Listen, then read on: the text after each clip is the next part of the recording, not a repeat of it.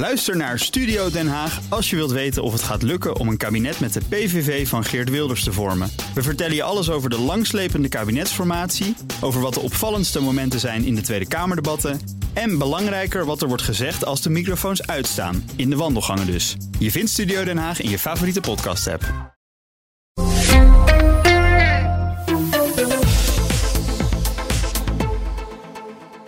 Bart Groothuis, de Oekraïense minister van Buitenlandse Zaken, Kuleba, die uh, zegt tegen zijn eigen mensen nu: uh, jongens, reken niet op voldoende munitie vanuit Europa. Het plan om in maart 2024 1 miljoen artilleriegranaten vanuit Europa naar Oekraïne te kunnen verschepen of vervoeren, dat zit er niet in. Europese ministers van Defensie komen vandaag bijeen. Die zullen waarschijnlijk hetzelfde constateren. Wat maakt u hiervan? Nou, we hebben daar denk ik ruimschoots voldoende eh, op tijd op, voor gewaarschuwd dat dit um, een probleem zou kunnen worden. Het heeft een half jaar geduurd voordat president von der Leyen het probleem inzag. En dat was pas toen zij bij de Munich Security Conference was, anderhalf jaar geleden. En toen is zij overtuigd geraakt van, oh ja, we hebben een, um, of een jaar geleden ongeveer nu. En we, ja, we hebben echt een probleem met munitie.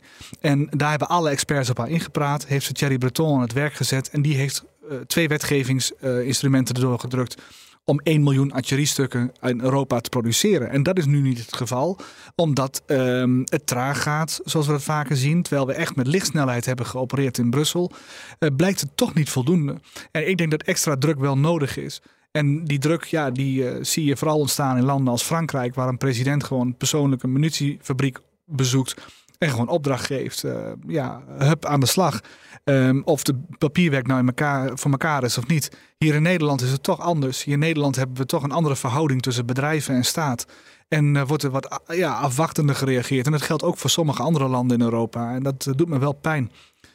Dus ik denk dat we nu nog een aantal, aantal alternatieven hebben om, om, als het weer gaat dooien in maart, kunnen we ook nog aan denken om de hele wereld nog eens rond te reizen.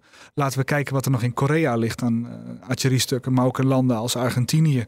Um, denk eens out the box, wat heeft Indonesië liggen? En probeer daar deals te sluiten om daar de overtollige artilleriestukken bijvoorbeeld nog in te kopen. Dat is iets wat we zouden kunnen doen. Nou, we zien dat Rusland um, met een andere schurkenstaat Noord-Korea heel simpel regelt dat er dus uh, 1 miljoen artilleriestukken vanuit Noord-Korea naar Rusland gaan. Ja. Terwijl wij uh, met al onze mooie democratische waarden uh, niet tot hetzelfde resultaat komen. Nee, en die 1 miljoen artilleriestukken moeten wij ook kunnen leveren. Dus uh, zo moeilijk moet het niet zijn. En dit is een oorlog die wij net zo goed moeten winnen. Dus ik denk dat hier echt een, het beste beentje voorgezet moet worden door, door, door onze politieke leiding vooral. Het is vooral een politiek probleem dat we niet voldoende de, industrie steunen. En ik hoor dan vorige week minister Ollongren bij BNR zeggen van ja, of je nou het contract hebt of niet, begin dan met produceren. Dan denk ik, ja, je bent ook minister. Zet het contract naar voren. Zet uw handtekening alvast. Hoe moeilijk kan het zijn? Verzin een spoedprocedure. En uh, zet het in werking. Geef dat bedrijf zekerheid op lange termijn dat hij ook inderdaad alles gaat doen en alles op alles gaat Dat is wat Poetin ook doet. Hij haalt alle wasmachines leeg en elke chip die hij kan vinden om die uh, artilleriestukken te maken. Hij zet alles op alles. Mensen werken daar 12 uur per dag. Ik wil niet zeggen dat wij dat ook moeten doen, maar we moeten wel echt fors been bijtrekken. En verzin dan wat er mogelijk is. En kijk hoe je extra personeel kunt krijgen als het handmatige productie is. Want dit is echt belangrijk. Dit gaat over onze eigen veiligheid.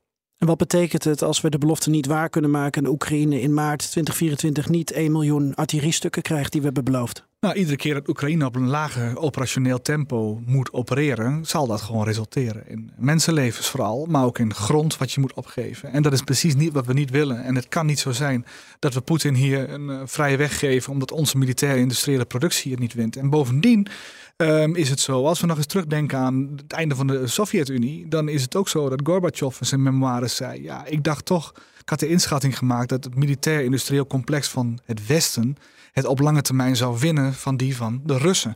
En daarom heb ik ook maar het bijltje erbij neergegooid en is het ijzeren gordijn omlaag gegaan.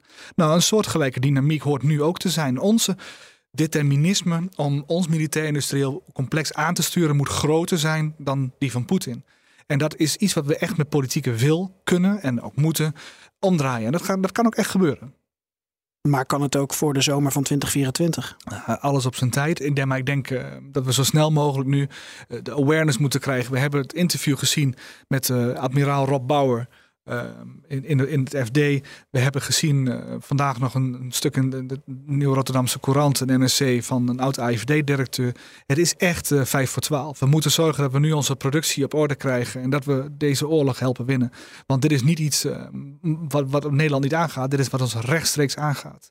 De, deze oorlog gaat onze veiligheid, onze veiligheidsordening aan. Rusland is niet klaar, ook niet naar Oekraïne. En dit kunnen ze niet winnen. En tot slot, dit is ook geen reclame voor die geopolitieke unie die wij graag willen zijn. Of dat zijn dan de woorden van Ursula von der Leyen. Want het lukt ons niet om een belofte waar te maken richting een land waarvan wij zeggen: eh, wij helpen jullie met jullie oorlog. Ja, nou, dat is op verschillende fronten helpen. En ik denk dat we van de tien dingen die we doen, dat we de acht of negen fantastisch goed doen. En we schieten ook tekort in één of twee dingen. Maar dan moeten we niet meteen uh, ja, in, in een soort van lethargie vallen. We doen het hartstikke goed. We gaan door en we kunnen dit ook winnen. Maar het is niet zo dat, dit, dat, de, dat de munitieproductie heel makkelijk binnen nu en een paar maanden uh, vol productie kan. Er zijn heel veel handmatige processen. Uh, in Amerika overigens ook.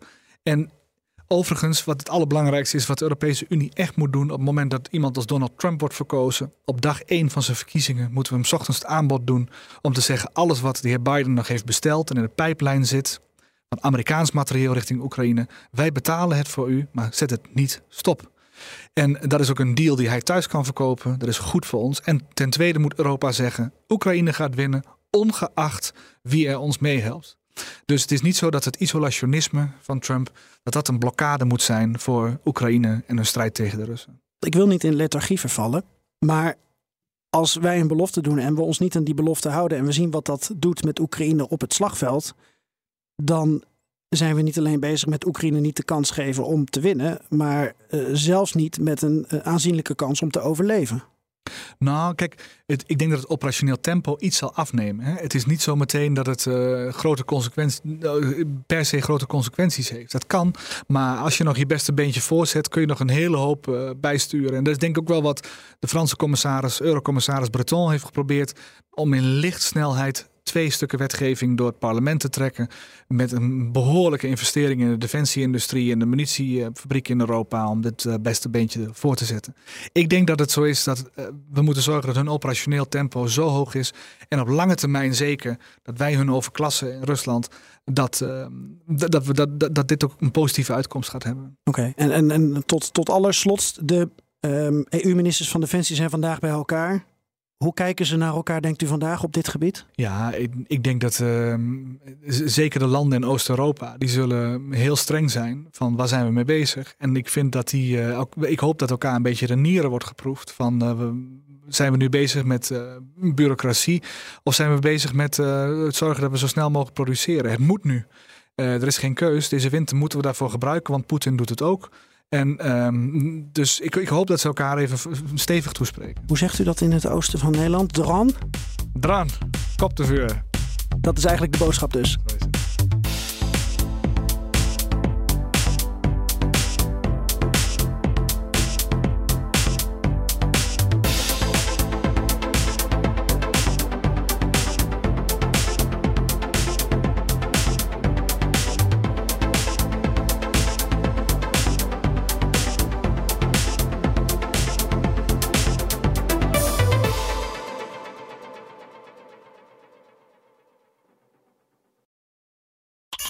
Harm Edens vind je in de BNR-app. Je kunt BNR Duurzaam niet alleen live luisteren in de app, maar ook terugluisteren als podcast, zoals al onze podcasts.